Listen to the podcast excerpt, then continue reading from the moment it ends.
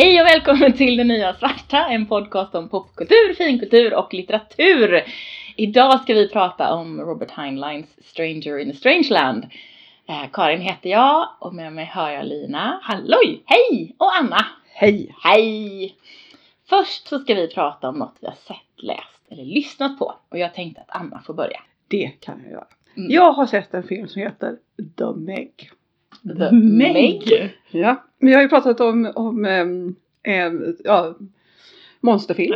Just Mm. Och då kom vi fram till att hajfilm hör ju inte till, Mm. till äh, monsterfilmsgenren så att det är mer sub- så, som en subgenre. Ja. Eh, och den här kan väl då antas gå in i subgenren hajfilm. Mm. För då, alltså inte så dålig som man skulle kunna tro så länge man bara köper det fruktansvärt löjliga konceptet. som är, de har en, en marin forskningsstation någonstans kring eh, eh, Mariana Trench. Mm. Och då har de en, eller ja, huvudforskaren har en teori om att eh, bottnen där är inte en botten. Utan det är ett kallelager och under det så finns det ännu djupare. Så de skickar ner då några ubåtar ner under. Eh, och det är klart att det inte är botten. Nej, Nej. utan då kommer de ner så finns det bland annat Megalodon. Den utdöda Ja, eh, jätte, jätte, jätte, ja. Eh, och eh, Jason Statham är med. Mm. Eh, Rain Wilson är med. Ingen aning. Han är med i eh, amerikanska eh, The Office. Mm. Eh, men eh, ja, Mm. men i alla fall eh, är Jason Statham. Alltså, som är då, han har redan varit nere där en gång och räddat en, eh, ja inte alla utan räddat Mm. ett antal folk och då har han sett Hajen. jättehajen. Eh, men ingen tror honom såklart. Mm. Men sen så, ja, så är de nere och så blir de räddade igen av Jason Statham som de har varit och hämtat i Thailand. Där får man också höra Hej Mickey fast på thailändska. Bara en sån sak. Ja och sen så åker de ner och när de åker upp igen så blir det en explosion samtidigt. Och vad händer då tror ni? Då, kom, då, blir det, då går vattnet upp så genom kallagret så att megalodonhajen kommer Ja, upp till eh, såklart. havet. Ja. Ja. Förstås. Ja. Och sen, sen händer det grejer. Alltså den, ja, faktiskt inte så dålig som jag trodde när jag, att den skulle vara. Ehm, Men den där filmen, det låter som att det inte hade gjort så mycket om den hade varit dålig heller.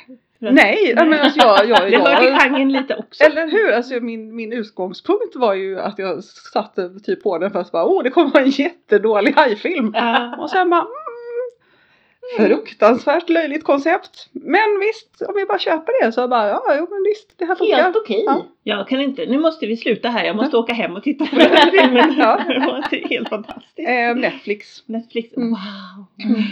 Ja, Okej. jättebra. Den kan ni se ikväll. Ja, den måste Ja. vi Vad, se. vad hette den sa du? The Meg. The Meg. Ah, förstås.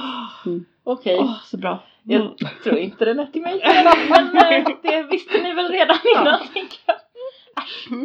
Ja men skojigt. Eh, Jag, jag har läst en bok. Ja. Konstigt nog. Eh, Den är av Martina Haag, en svensk bok också, vilket är ännu mer ovanligt. Ja. Den heter Livet går så fort och så långsamt. Och är en ganska, en ganska liten, liten volym. Ja. Eh, och jag har ju läst en del av henne förut. Dels hennes krönikor som är sådär lite tok, tokroliga.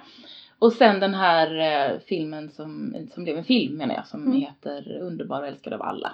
Just Som det. är, men som är men ganska bra, lite kul sådär, lite intressant. Ehm, och sen har jag inte läst den här romanen Det är något som inte stämmer som handlar om eh, när hennes man lämnade henne och allting blev Mm. dåligt. Eh, men eh, kanske läs, kommer läsa den någon gång. Den här köpte jag för att den var liten och jag skulle ut och resa. Mm. Ni vet, Ja, det fick plats i väskan.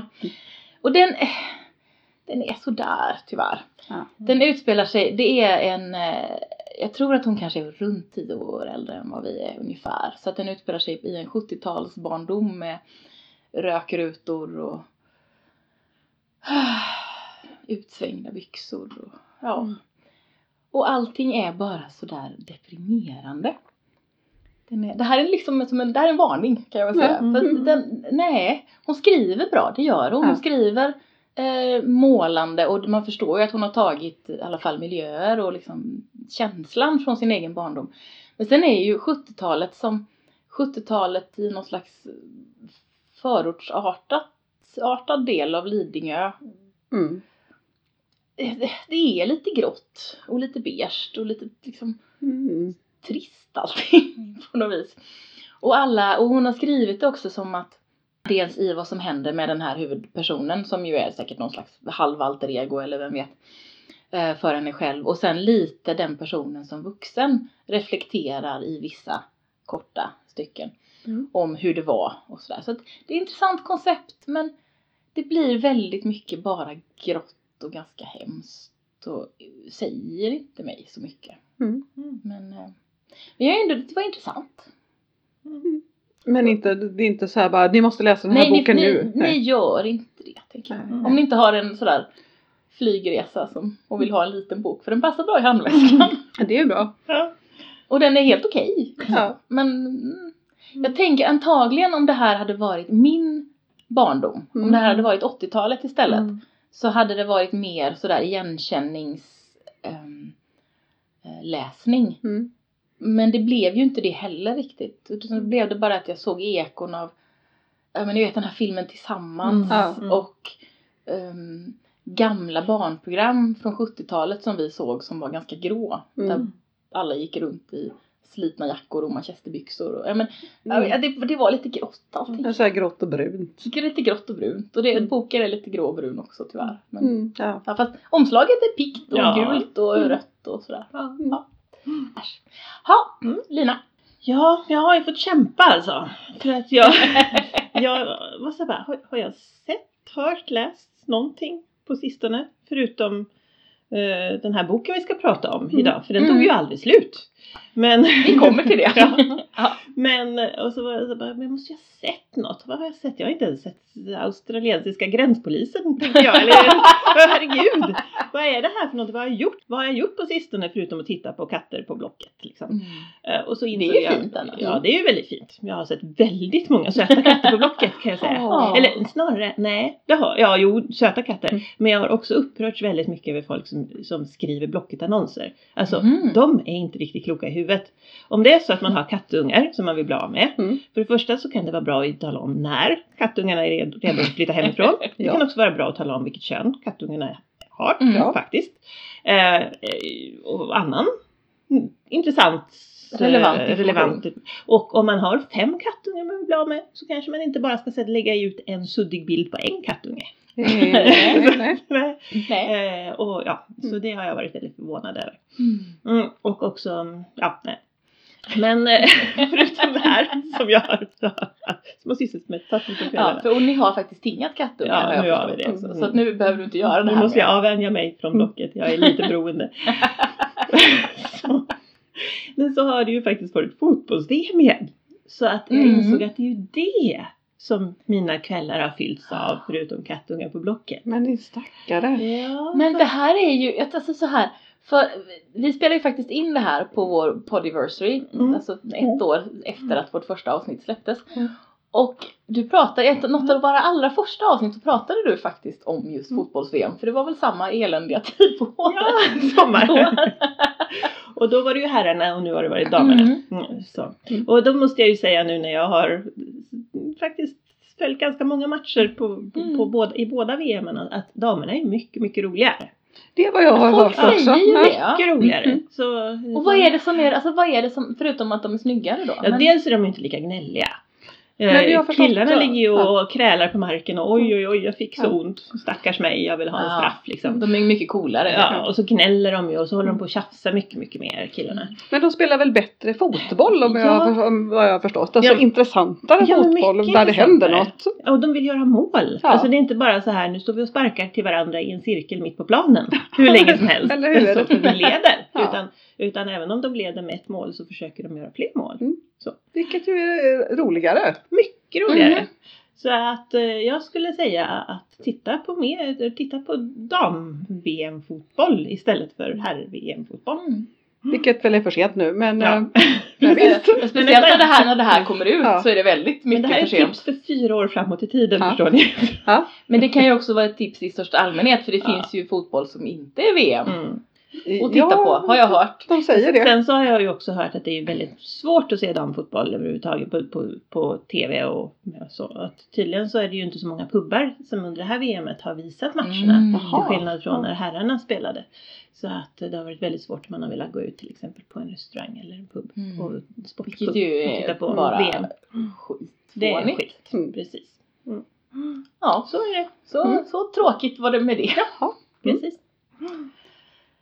Ha, nu ska vi börja prata om Stranger in a Strange Land. Eh, vi fick ju skjuta på det här avsnittet en inspelningsomgång för att vi hade inte läst klart. Eh, framförallt inte Lina och jag, han Mm. hade läst den förut tror jag. Men du hade inte läst om den tid. Jag var nästan klar men då fick jag lite mer tid. Ja, det var bra. Eh, och den är ju skriven av eh, Robert Heinlein. Den kom 1961 och är ju en sci-fi eh, roman och eh, räknas ju som en av klassikerna definitivt. Det handlar om eh, Valentine Michael Smith som är eh, en människa som är född på Mars av eh, tidiga kolonisatörer. Och som är uppväxt med eh, marsianer, säger de, använder de ju, martians säger de i boken. Eh, och så kommer han eh, som ung man så kommer han tillbaka till jorden. Och det handlar om det som händer där. Och det är klart vi kommer spoila den här boken för det gör vi ju med Eh, allt. Så det är bara att liksom, förstå.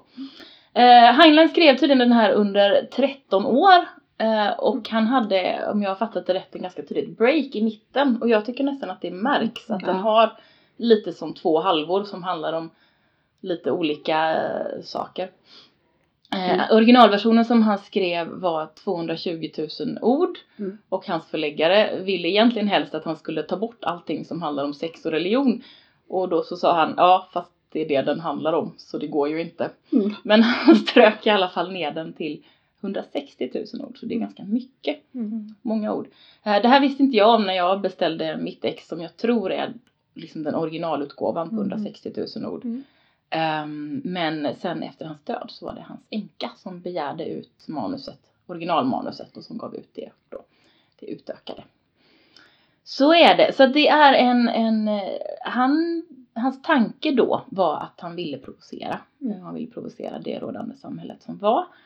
Eh, och det är en bok som har gett väldigt, eh, haft väldigt mycket blandat, eh, blandat mottagande när den kom. Definitivt så fick den eh, jättedålig kritik av vissa och jättebra kritik av andra. Lite blandat sådär. Mm. Eh, och, men någonstans, men den vann ändå 1962 Hugo Award för bästa roman. Vilket tydligen var första gången som en sci-fi roman hade vun- vunnit en Oh. sån, eh, sånt i pris. Och den är ju spännande på många sätt för att den har ju plockat in olika koncept i det allmänna medvetandet. Dels det här ordet grock Just som tydligen är ett, en, en, det har kommit in i olika ordlistor och sådär och är ett Mm. ord som Mm. faktiskt används och som ju betyder ungefär att förstå på ett fullständigt och djupt sätt Mm. i den användningen då. I boken så betyder den mycket mer men, Mm. men eh, och sen den här eh, kyrkan, det roliga är att den här kyrkan som eh, han startar fast det är ingen kyrka men han startar någonting som heter Church of All Worlds. Eh, det är att det faktiskt 1968 så eh, startade en snubbe The Church of All Worlds förstås Såklart. i USA. Inspirerad av den här romanen. Eh, vilket ju är ganska, Passar väl in med 68 ja det känns kan man tänka. rimligt Ja. tänker jag. Eh, andra roliga grejer, trivia grejer innan jag ska släppa in er och Mm. släppa in framförallt Anna som ska få berätta, börja med att berätta varför hon valde den här. Eh, är den här, det här konceptet med fair witness. Mm. Just det. Som Mm. alltså ett, ett, en, ett opartiskt vittne och att det ska vara en, en, en, en roll Mm. som finns. Och det är ju tydligen någonting som eh, har använts och ko- kommit in lite i vetenskap, i psyk- psykologivetenskap och även i, eh, i eh, olika former av, av teknisk, alltså digital eh, forskning om det här med det, Mm. det rättvisa vittnet. Så det är lite, lite intressant. eh, där. Och sen det, det sista, eh, vattensäng. Det finns i det här, eh, mot slutet i det här mm, kyrkan så har de ett, ett the nest kallas det för, Mm. som är det innersta för de, de innerst invigda. Och där har de någonting som jag inte riktigt fattade när jag läste boken är en vattensäng. Mhm. Men det, det var det tydligen. Och han som då uppfann vattensängen några år senare, eh, när han nu gjorde det, ja 1968, eh, Charles Hall. Han försökte ta patent på den men det fick han inte. För att den var redan beskriven då i bland annat den här boken och i en annan roman. Så han fick inte ta patent på vattensängen. Visst är det bra? Och, eller knäckt, men Ja. kul. Underbart! Ja. Så, det var mitt eh, introbabbel. Anna, varför valde du den här? Varför skulle vi läsa den? Jo, men det var så här, för kan det vara två år sedan ungefär, så um, tog jag hem eh, i stort sett alla Heinleins verk. Och sen började jag läsa. Ja, så då, då läste jag nästan allt han har skrivit. Och jag tycker att han är en intressant författare. Framförallt konceptmässigt. Allt han har skrivit är inte bra. Men ofta finns det någon typ av koncept som är spännande. Och den här var det så här, ja men det här är ändå en, en av klassikerna. Och annars skulle det väl ha varit, eh, och vad heter den andra där? Starship Troopers. Starship Troopers. Men den känns också som, nu för tiden så den har, känner folk till lite mer. Ja, det tror jag. Medan den här är lite så här, den här eh, refereras ofta till Mm. eh, på något vis. Men det verkar inte som att folk läser den så ofta nu för tiden. Så kan det nog vara. Så då tyckte jag att det verkade ju spännande. Mm. Och då hade jag ju läst den och jag, så här, när jag föreslog det så Mm. kom jag inte riktigt ihåg för det gör jag ju aldrig när jag läser någonting. Utan jag bara, ja ah, men den, den blir bra. Jag kommer till exempel inte ihåg hur jävla lång den är. Ja, nej, så det var därför Mm. som jag valde den.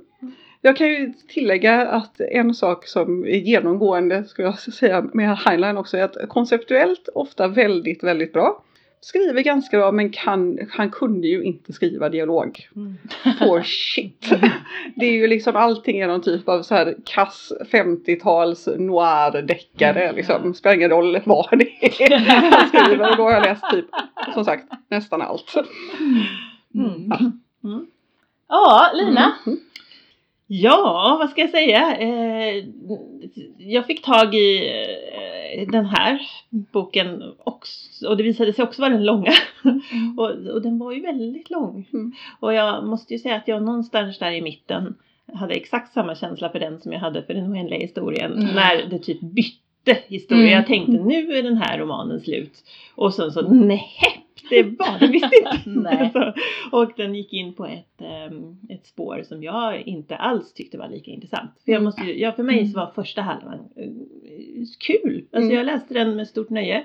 Eh, och ja, som den biten som handlar om att han kommer från Mars och ska lära sig Mm. på något sätt vår värld. Mm. Ehm, men eh, sen så, så fort det började bli det här mumbo jumbot, kyrk tjofräset med. Mm. fri sexualitet och eh, allting då tappar jag intresset. Mm. Så jag måste ju erkänna att jag stod och läste de sista 30 sidorna här utanför. Jag, precis innan vi kom in. Jag skulle ha varit exakt i tid. Nu Mm. blev jag 10 minuter sen för att jag snabb, snabbläste slutet.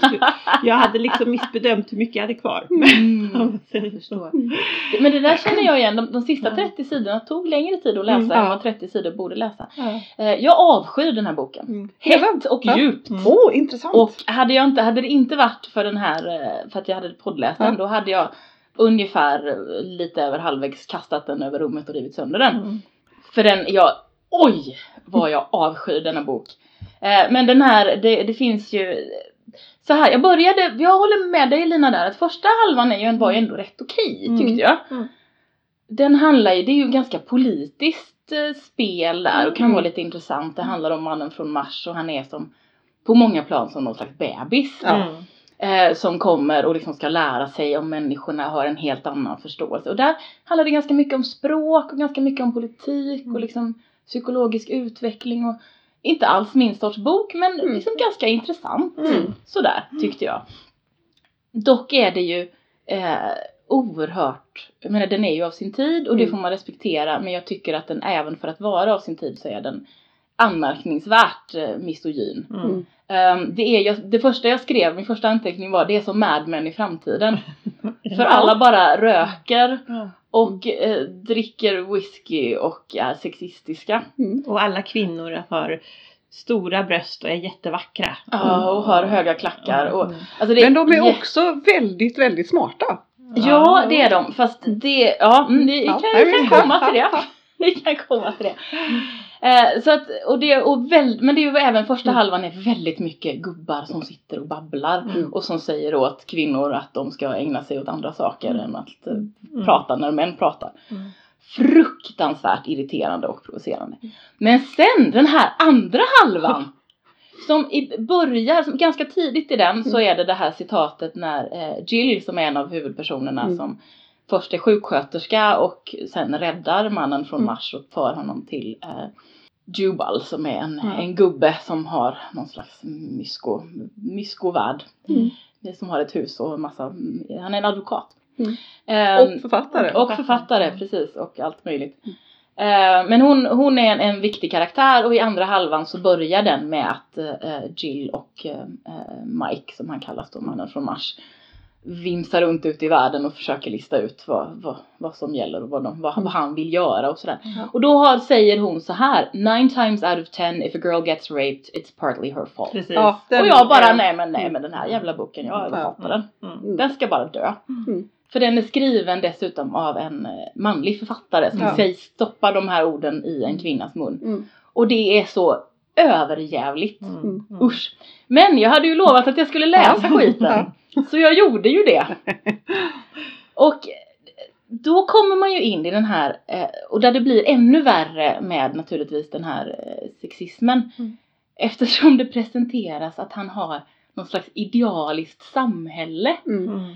Mm. För då startar han den här kyrkan och han vill inte att det ska vara en religion. Han vill egentligen att det ska vara att folk ska lära sig marsianska kanske vi ska Ja. säga kalla det för.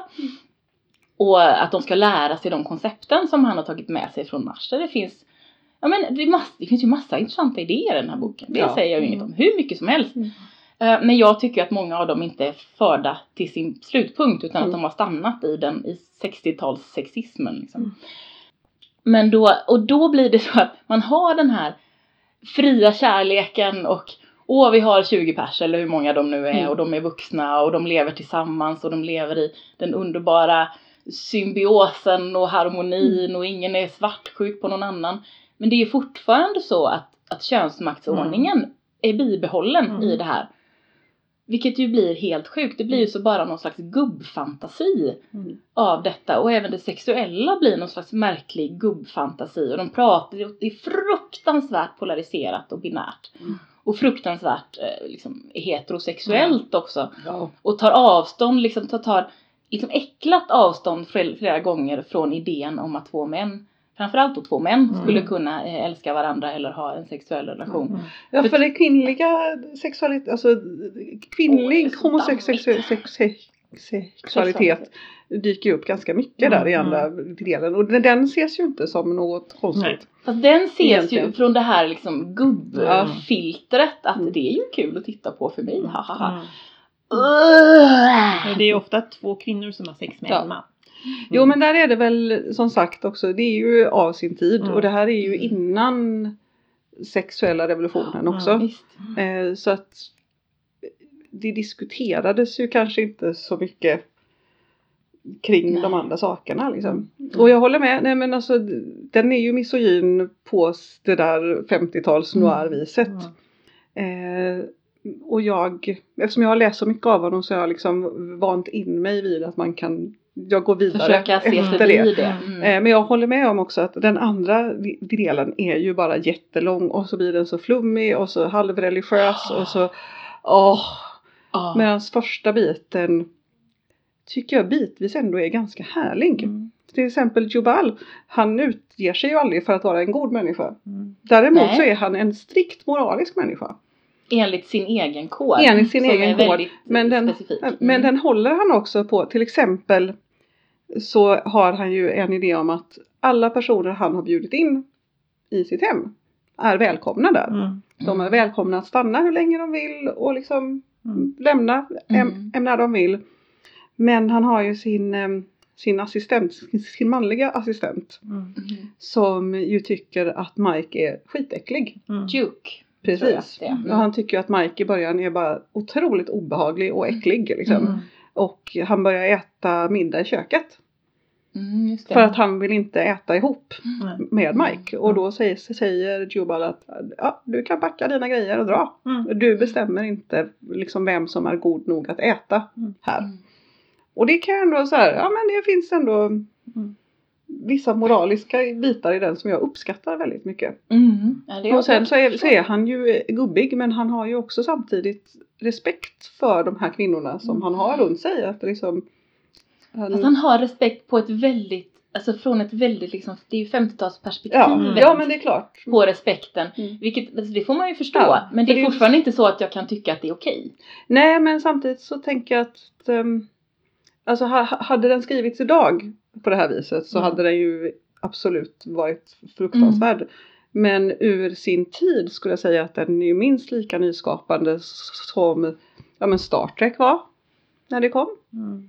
Alltså jag förstår, ja, ja, mm. Att, att, att det är ändå, eh, jag skulle säga att Jill är ju egentligen protagonisten. Det är faktiskt hon Ja. som, hon räddar mannen. Fast hon är Hon räddar till och med två män. Precis. Hon räddar ju först Mike och sen Mm. den här Fast eh, jag tycker ju inte att hon är, får Sen är den, det hon- utrymmet därför Nej. att hon beskrivs, det beskrivs inte genom hennes synvinkel Nej. speciellt mycket utan det är ju alltid från männens synvinkel. Men jag tror att det hör ihop igen med att Heinlein var inte speciellt bra författare på det viset som du efterfrågar här. Nej men Han var okej. helt enkelt inte speciellt bra på att skriva relationer. Mm. Eh, eller som sagt, alltså, d- d- som sagt jag har läst närmare kanske 50 av hans böcker, bö- bö- liksom böcker Mm. och hans dialog är, alltså han kunde verkligen inte. Mm. Det är varenda gång Mm. så är det så här och man bara herregud. Men då får man liksom bara ja okej vi låtsas att det är svartvitt. och så får man så här, ja men den här idén är cool. Mm. Eller vad är det han skulle säga om han hade kunnat skriva relationer och, och, och dialog. Mm. Fast det är ju det som är så synd också för att jag, jag, jag håller med om att Ja. första halvan är lite intressant. Ja. Liksom, och, så, så. och sen så är det ju så sorgligt att det bara övergår i någon slags eh, så här, äldre mans snuskfantasi upplägg Mm. för porrfilm. Mm. Eh, Och dessutom som presenteras som detta är det, detta är Ja. det idealiska vi ska eftersträva. Ja, för att han slarvar ju också bort hela den här marsmänniskobiten. Ja, det alltså istället för de här, den här, för jag, jag tycker att det är fascinerande på hans idé om marsianernas kultur, Mm, marsianernas Ja, liv den och det här intressant. med eh, att man går vidare i något annat spökstadium Ja. och bara där Och man kannibalismen, Ja, Ja. den är ju eh, som ju är intressant. Ja, Den som, är ju helt, väldigt märklig Ja. men intressant som idé. Ja, och hela det här med vattenritualen. Mm. Ja. Innan de fattar Mm. riktigt vad det är de har gjort. Och när de börjar inse att Mm. Åh jävlar! Mm. Nu har vi gått liksom, nu har vi gått och gift oss med den här mannen fast Mm. ännu mer. Liksom. Ja. Ja precis, Mm. inte bara gift oss Nej. utan, utan i, Nu i har vi- princip är det så att vi ska nu leva i symbios. Ja, nu har vi bondat med Mm. den här personen för all och evig tid. Mm. Och det som är intressant tycker jag är att när de väl Det är ju Jill, Ben och Jubal och de här kvinnorna Mm. är ju de första som gör det. Dorcas, Anne och Miriam. Ja, precis. tror Eh, och sen så fattar de vad det innebär, som innebär. Och det Mm. som jag tycker är spännande där är också att de så här. Ja, nej okej. Nu är det det vi har gjort och det här är på Mm. riktigt. Mm. Ja. Mm. Och att de sen liksom så här varnar efteråt att folk så här, gör du det här nu så, Så gör det- du det på riktigt. Mm. Mm. Att de liksom också blir som en lite skyddande bubbla runt Mm. honom. Ja. Inte för att han kanske egentligen behöver det men för att så Ja, här, fast i det läget kanske han behöver det. ja. För det är ju det också tänker jag att hans karaktär i första halvan är ju liksom som Alltså både supervis och jättenaiv samtidigt och Ja. det är ganska intressant. Eller hur? Och sen den karaktär som han blir sen i andra halvan som ju Mm. är eh, någon som då ska försöka komma med sin gospel till folket Ja. och lära alla om det här fantastiska som Mm. han har att ge. Den karaktären, jag kan, jag kan gå med på att han Mm. kan bli den Ja. personen. Men jag Men- tycker inte att det är lika intressant. Nej, verkligen inte. Den, den karaktären är inte alls speciellt, in, eh, spe, speciellt. Man, känner, Intressant. man känner ju någon slags ömhet för honom Ja, i första halvan ja. och i andra halvan bara lite så här Obehag. avs, ja, avsmak Ja, och äckel tycker Framförallt jag. så är han ju inte, han är ju, han blir ju helt, eh, vad heter det, helt anonym Mm. i andra di- di- di- delen. Mm. Han, han slutar att vara en karaktär och mer som någon typ av koncept. Mm. Ja, Och jag det måste vara som där är, han, ja. han, han hade sina 13 år emellan Mm. för att det känns Mm. som att det är inte längre samma karaktär utan han har Nej. utvecklat det här till någon typ av gudskoncept i Mm, sitt Det huvud. är egentligen två böcker. Alltså, Ja. Och han, det var inte 13 år emellan. Han höll på och skrev Ja, i okej, 13 ja. år så tog han en paus. Jag vet inte hur länge Mm. den var. I mitten någonstans. Ja. Eh, Men det är ju ändå Mm.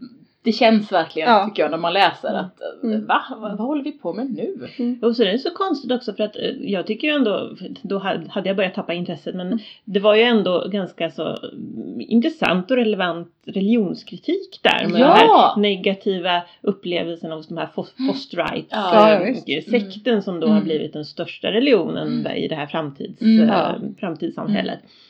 Och sen plötsligt så har han gått och skapat exakt samma grej. Ja, ja, visst. Eh, Bara med en annan, liksom lite inriktning. Jag En annan, ja, Ja. precis för han Mm, Men inte mycket skillnad. Alltså det skiljer sig ju inte mycket mellan de här två olika sekterna. Nej. Så att, eh, nej. Nej, Mm. nej. Och det, Mm.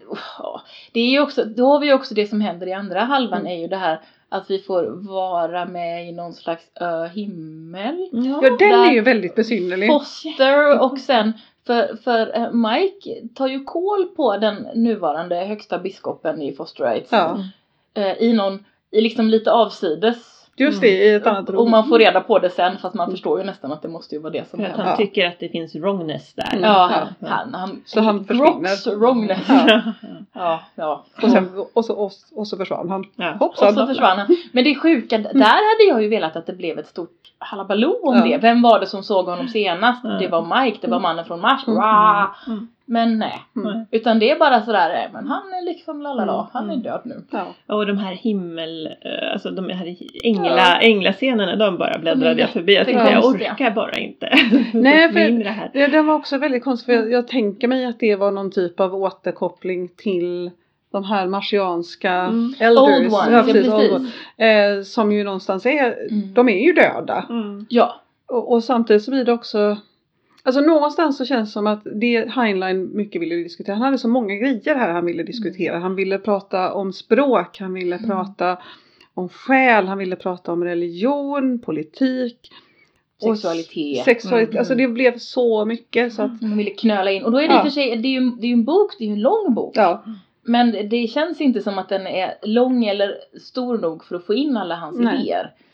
nej jag tror Ja. att han skulle, det hade vunnit på att kanske så här nu, ska jag, nu gör jag en egen bok där jag, där jag Mm. diskuterar en eventuell själ. Mm. Ja, precis. Fast jag håller ju med hans Mm. redaktör. Han borde ha rensat bort allting som handlade, om sex och eh, religion. Då hade det varit en intressant jag, bok jag tänker mer egentligen, ja. Ja. Alltså, men fast då hade ju andra halvan inte gått att förstå överhuvudtaget. Eller så hade den inte funnits. Nej, så det, är det, men det är det jag tänker att egentligen så tror jag att första halvan är en bok. Ja. Mm, mm. Precis. Mm. Eh, och andra halvan är en helt annan bok. Ja. Och jag tror att i första halvan så är religionsdiskussionen och sexet helt motiverat. Mm. För det är liksom så här saker som men, Mm. några saker som är helt nya liksom. Mm, För en person som på ett vis ändå ska vara människa. Mm. Som alla uppfattar som Mm. människa. Och det är Mm. väl också den här diskussionen om vad, vad är mänsklighet liksom? Vad är, vad, vad är skillnaden? Um, är, är, liksom, är det språket? Mm. Och vad betyder då språket för hur vi är? Mm. Ja, och där, den Ja. idén är ju fruktansvärt intressant. Ja. Det här att, att man förstår saker olika på olika språk. Och den är ju Ja. faktiskt genomförd genom hela andra delen Ja, också. mm. Där de försöker göra någon slags uppslags, vad heter det, en ordbok. Mm. Eh, Ja, ja även om, en ordbok på marsianska om Mm. marsianska. Alltså Ja. en, ehm, men där man någonstans tänker att, att det är ju så. Man Mm. förstår ju saker olika på olika språk. Och man har ju, om man pratar flera språk så är man ju alltid lite olika i sin förståelse beroende på Ja. vilket språk man pratar och vad man, vilka ord man använder och hur meningarna ramlar och sådär. Och det där är ju superspännande och Ja. de delarna är intressanta tycker Ja. Och, Och- med, och här så är det ju också till och med så att med språket så kommer en massa färdigheter. Ja, att man precis. kan prata mm, telepatiskt Mm, och ja. att eh, man kan få saker och ting försvinna och, alltså, Mm. Och, och få- teleportera. Ja, och ändra sin kropp. Mm. på Ja. olika sätt och vis. Bara för att, eller, ja, genom att kunna marsianska. Ja, att man kan tänka. Ja. Mm. Tänka som en marsian. Ja. Ja. Nej men och Mm. den biten, den biten tycker jag ändå att han genomför ganska bra. Just funderingen kring till exempel språk. Mm. Men där exempel det känns som att han har väldigt mycket tankar kring själ och vad det är. Mm. Mm. men det är klart, det är också en, för det första så är det en svårare, ett svårare koncept. Mm. Mm. Att, Och ett mer svårtillgängligt, alltså Ja. svårare att och framförallt så har han inte riktigt några färdiga tankar om vad, det, vad han ens vill ha sagt Nej. känns det som. Nej men precis. Mm. Det känns som att han inte har tänkt färdigt Ja. och som han inte har dragit sina tankar hela vägen. Nej. Och det kan hända att i det samhälle han levde i så kunde han inte riktigt Nej. det. Nej, och det har jag det. respekt för. Mm. Men det är fortfarande så att jag, jag tycker den här är en fruktansvärt jobbig och provocerande och Mm. irriterande bok. Mm. Och det gör mig inte sugen på att läsa något mer av Heinlein. Jag har ju funderat på att läsa Starship Troopers och aldrig lyckats Ja. göra det. Det är ju en är helt militär- annan typ av historia. Mm, Alltså Mm. någon slags undersökning av det militära. Ja. Eh, och det är ju intressant. Och han har ju skrivit, ehm, jag har läst några stycken, han har skrivit ganska många om, ja men typ kolonialism, alltså typ, Mm. typ kolonier på, Mm. på, på främmande planeter som är ganska intressanta. Mm. Och liksom, eller typ månbaser och ja men hur påverkar det folk Mm. att och det, finns en jättebra där de har kol- kolonialiserat Jupiter tror jag det är. Eller Neptunus. Ja. Nå- Någon stor längre ut. Och eh, ja, men man har betalat massa pengar och det finns ett stort företag bakom. Som då har lovat såklart att det kommer komma mera maskiner och terraforming. Men det kommer liksom aldrig. Så att de är verkligen där och är liksom så här, ja men frontiers. Mm. Eh, Och det är ganska spännande. Mm. Men som sagt, alltså man får, man får ta man måste hantera hans dialoger och hans relationer för Mm. de är han inte så bra på. Nej, och hans, hans trångsynthet. Alltså, Mm. För det är ju väldigt tydligt att han har en massa spännande idéer men Ja. hans egen trångsynthet som naturligtvis är påverkad av Mm. den värld han lever i hi- hindrar honom. Ja. Eh, och det är roligt, jag, jag läste lite om vad, eh, som vad han själv har sagt om den här boken och han har ju Mm. tydligen fått, då hade, ja, det kom ju väldigt mycket respons på den och han var lite nöjd över att han ändå väntade så länge därför att han kände att eh, i början av 60-talet så var världen kanske redo på ett sätt som de inte var i början av 50-talet. Och det Mm, det kan sant. man ju förstå. Mm. Men att han på något sätt ville säga till sina läsare att men det här, jag försöker inte ge er svar, jag Nej. försöker ge er frågor. Mm. Och det, det tänker jag ändå, ja men det kan jag respektera. Mm. Eh, att, för att, men det, det känns när jag läser den Mm. som att han försöker ge mig svar. Mm. Eh, men jag uppskattar att det inte var det han ville. Nej, det är ju sida upp och sida ner med män som förklarar hur Ja, världen är. Särskilt Jubal är ju ja. oerhört enerverande i Babblig. slutet. Ja. När han ska berätta hur Ja, han speciellt på slutet så är han ju Ja. För han, jag gillar honom Ja, första halvan så jag gillar jag lite den karaktären men är saken okej. är väl att jag gillar liksom inte riktigt någon utav dem i andra halvan. För då är det liksom bara, den tar De är bara aldrig slut. fanatiska. Ja. Alltså antingen är de, alltså Jubal är ju bara babblig och brer ut sig och är Ja. gubbig. Mm. Och Jill som ju ändå är en ganska intressant karaktär i första halvan Mm. eh, blir ju bara helt fanatisk Mm. prästinna. Mm. Mm. Som bara går runt och är lycklig över att hon får ha sex med gubbarna. Mm. Alltså det är fruktansvärt mysko. Mm. Ehm, och att hon liksom på något sätt, äh, det är ju det, är ju det här. Man, man, eh, man tänker, det är liksom man beskriver en värld där man ut, alltså, det finns inga normer och regler och Mm. människan är helt fri och det är så Mm. bra. Så tar vi med oss alltså sexismen, rasismen och, Mm. och klass, eh, Mm. klasshatet Ja, och liksom, den vita, man, mannens liksom över, överhet. Allt det plockas in i den här så kallade fria underbara världen och det blir ju bara bajs. Men om, om man ska vara krass så är det väl också tämligen realistiskt.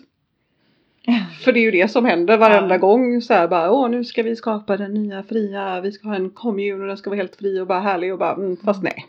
Fast jag upplever inte att det är det som Heinlein säger. Jag Nej, upplever nej, inte nej, att det, det är ju inte en kritik av Nej, den. nej, nej, men jag menar mera Men, att, eh, att, att det är en helt, helt realistisk Mm. eh, beskrivning av Ja, vad som händer. mig. Och vad som Absolut. fortfarande händer skulle jag säga. Sen så har ju Mm. normerna förskjutits och förändrats men det finns ju Mm. fortfarande väldigt mycket kvar. Mm. Absolut. Så mm, Du menar att egentligen är det dokumentär?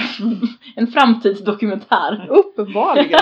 Ja, för, att, för, för, för, idag så, så känns ju inte heller, det- det känns ju inte så provocerande med den här sexsekten som de skapar. Nej. Därför att vi har sett Och det var den ju då Ja, naturligtvis. ja, sekter efter Jätte, det. mm. Mm. Det kanske är så att alla de här sex gubbarna som tänker att det vore faktiskt ganska trevligt att ha en massa, en, ett gäng unga kvinnor som jag kunde ha sex med när som helst. Mm. Jag tror jag ska sta- skapa en sexsekt. Mm. Läser den här som en handbok. Det kan ju vara så. Ja. Men och sen, ehm, nej men jag skulle tro att idag om folk skulle läsa, eller speciellt kanske amerikaner ska läsa, så skulle jag tro att snarare speciellt Jubals, alltså ateism. Ja.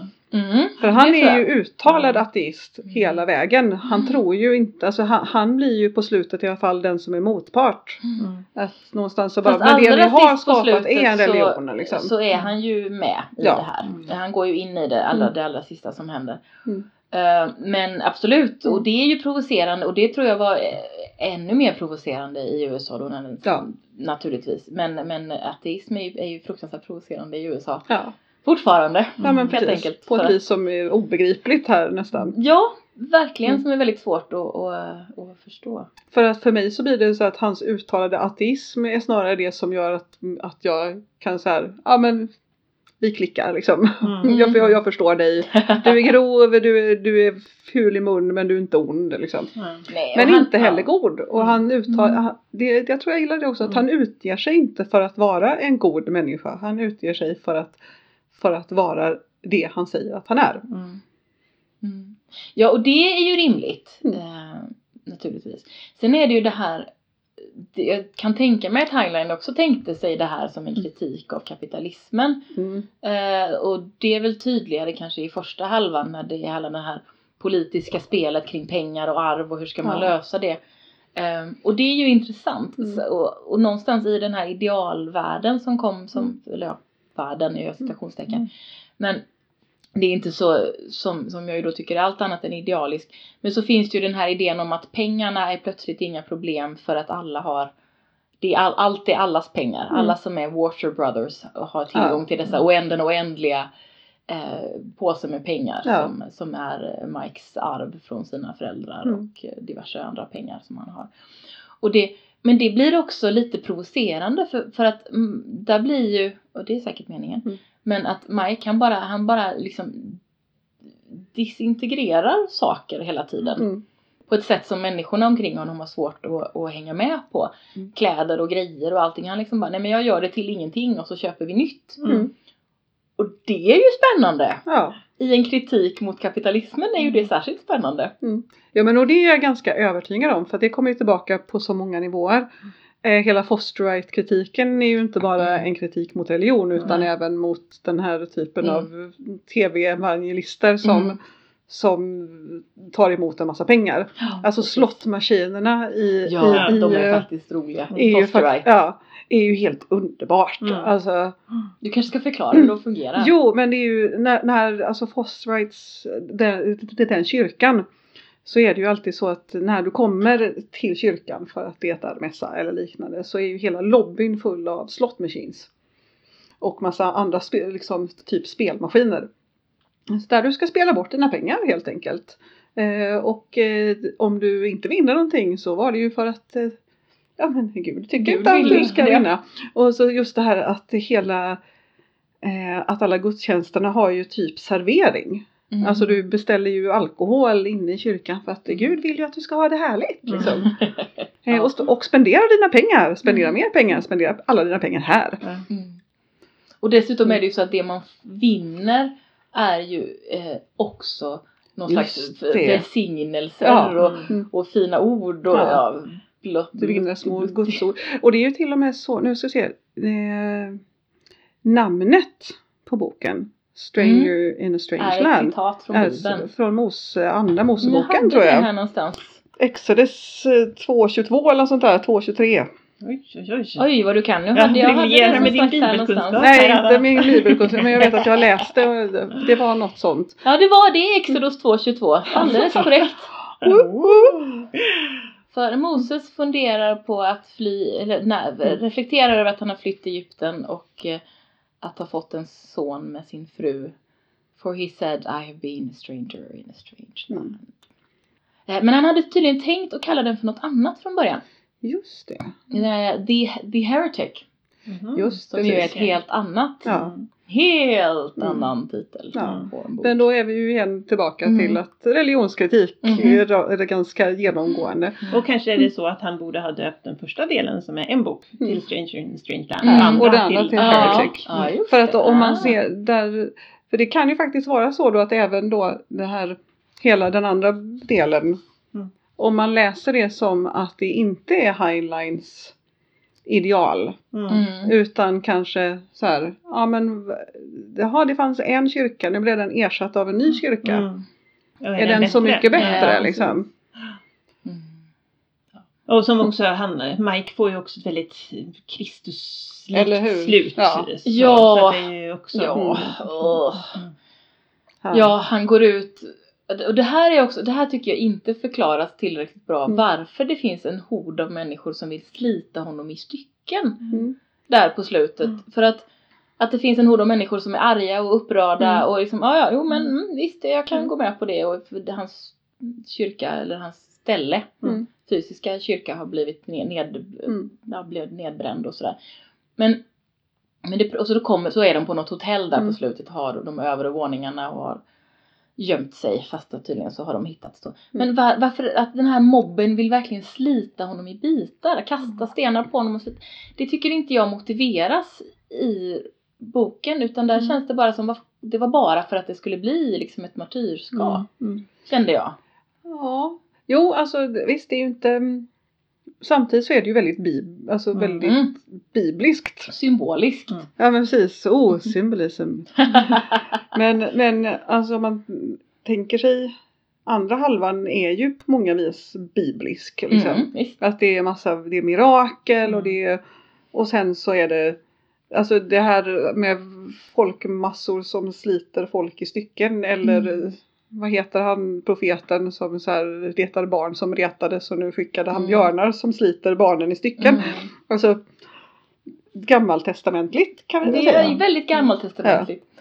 Eh, men eh, fortfarande inte Ja. lite märkligt som, som Överlag så är vi ganska över, är överens om att den andra delen är rätt märklig och inte jättebra. Liksom.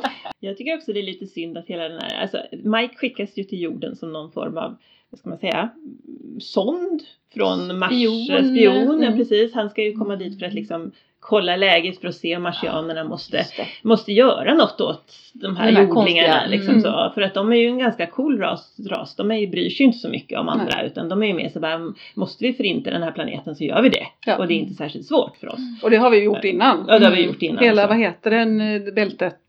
Ja, precis. Jag har glömt. Ja, men, ja. Men de har gjort det förut Ja, De har gjort det förr. Mm. Och därför bryr de sig inte så mycket om att jo- jordlingarna kommer och eh, Vimsar runt. vimsar runt på Mars heller.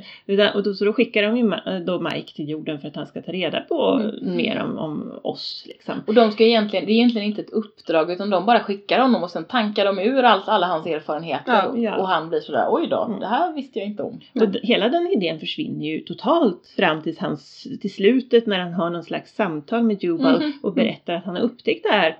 Och sen så, ja, så var det inte mer med det. Men, men det sjuka där är ju att det konstateras att Ja fast, fast marsianerna är ju så långsamma Ja. så de kan hålla på och tänka på det här i 5000 år. ja. Och då blir det plötsligt inget sådär, ah det blir liksom action, hot. Nej. Nej. Nej. Nej. Fast det är väl ändå lite skönt. Att så här, att det, för en, det här att det liksom inte är aliens som är ett direkt hot. Nej. De kommer att förinta jorden inom 24 timmar. Mm. Utan det är så här, ja, kanske om 5000 år. Det vet vi inte. Om vi orkar. För att först måste de liksom typ känna att de verkligen grockar mänskligheten. Mm. Innan dess så kan de inte ens börja överväga huruvida det skulle vara aktuellt. Mm. Och det kan jag säga bara, det är ju ändå lite uppfriskande. Ja, fast det har ju ingenting, eller jag vet inte, det var ju, jag läste ju också väldigt snabbt det här slutet. Mm. Har det någonting att göra med att han skapar den här kyrkan?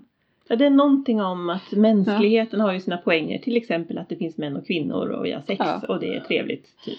Ja, fast Eh. alltså, det, det jag tror att den slutar med är ju att kanske är det så att när marsianerna har grockat färdigt och Mm. funderat och tittar lite på jorden igen så Mm. har jorden förändrats så pass mycket genom Mikes Mm. kyrka Ja. Mm. så att marsianerna inte tycker att man behöver förstöra jorden Mm. längre. Det är väl det som är någon slags Ja. ja, och jag tror till och med Mm. att det någonstans åtminstone finns en indikation på att när marsianerna har tänkt klart, oavsett om Mikes kyrka har påverkat världen, så kommer mänskligheten att ha förändrats så mycket så att de måste börja om från början. Mhm. Mm. För att de, de har ju också sin idé om att de måste ju förstå någonting fullständigt. Mm. Och Just det. o- om det de förstår fullständigt Ja, var för just det. 5000 år sedan då är det liksom Då, då kanske de måste måste de ju börja börja om. om. Ja, Ja. just det, precis. Så att de kan hålla på med det. Ja. Fast det är ju ganska roligt för Mike håller ju på och förintar saker och ting till höger och till vänster hela tiden Ja, som han ja, inte ja. alls Och har folk. tagit särskilt mycket tid på sig att Mm. förstå. Nej, men han har ju känt att det var fel. Ja. He grocked the wrongness. Nej, men, och där, där är, men det där är det ju också eh, till exempel det här med död.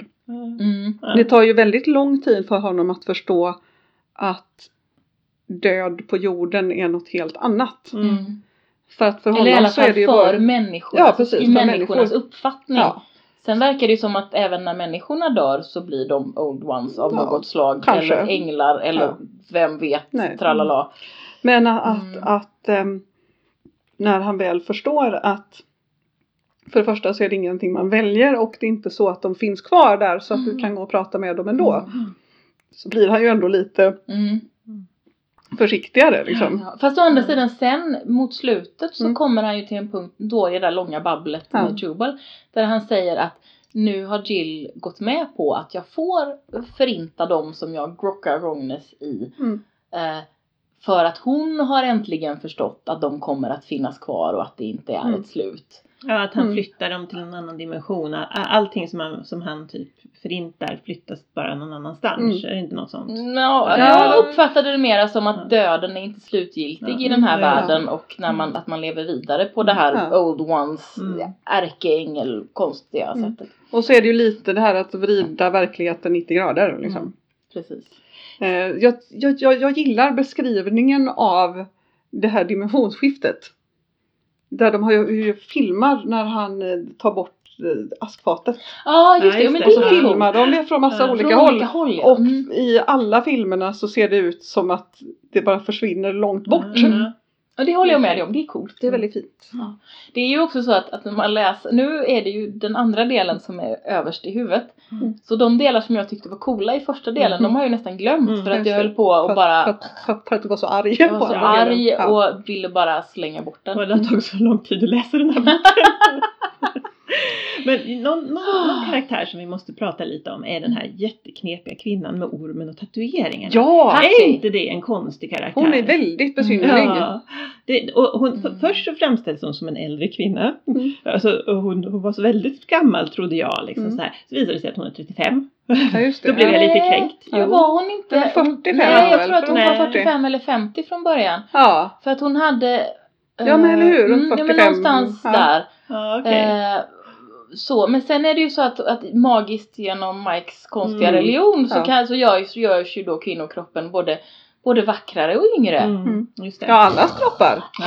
Alla blir bara unga och vackra. Ja. Och starka och framförallt Ja, stark. hälsosamma är ju Ja. det som kanske är mest Mm. användbart av allt det där. Ariska liksom. Ja. Ja, ja, det är jättekonstigt. Men hon är också så konstig för att då, Ja. då är det ju egentligen är det ju där när de träffar henne som hela det här dravlet inleds Ja. för mig. Ja. Liksom, det Det är då, riktigt dravliga Ja. dravlet. Ja, och hon är så himla religiös, hon är ju fosterit då, Ja. och ska mm, frälsa Mm. dem med hjälp av sina tatueringar. Ja. Och sen har de någon slags trekant med henne och det är så fantastiskt och delar Mm. vatten och allting Ja. sånt. Och sen så går det bara nerför. Ja, ja, Och ja. sen kommer kyrkan och så Ja. blir det bara jobbigt allting. Ja. ja, men det är väl lite så. Man kan läsa ungefär fram till så att de drar från Jubals hem. Mm. precis. Ja, Ungefär dit då. kan man läsa. Och sen, sen Kan man sluta. sen Och då- kan man lägga bort Och det är en den. utvecklingsroman ganska Ja. mycket ju. Mm. Ja, men precis. Med Mike Nog ganska Ja. mycket om politik och liksom Ja. resonemang. Men det är ju fortfarande liksom Mad Men i framtiden. Ja, ja. Det är ju Mm. Jo men det får man ju vara med, på med, med, på liksom att Mm. det, det, det, det är ju en 50-talsbok liksom. Oj oj, vi har pratat ganska länge om det här.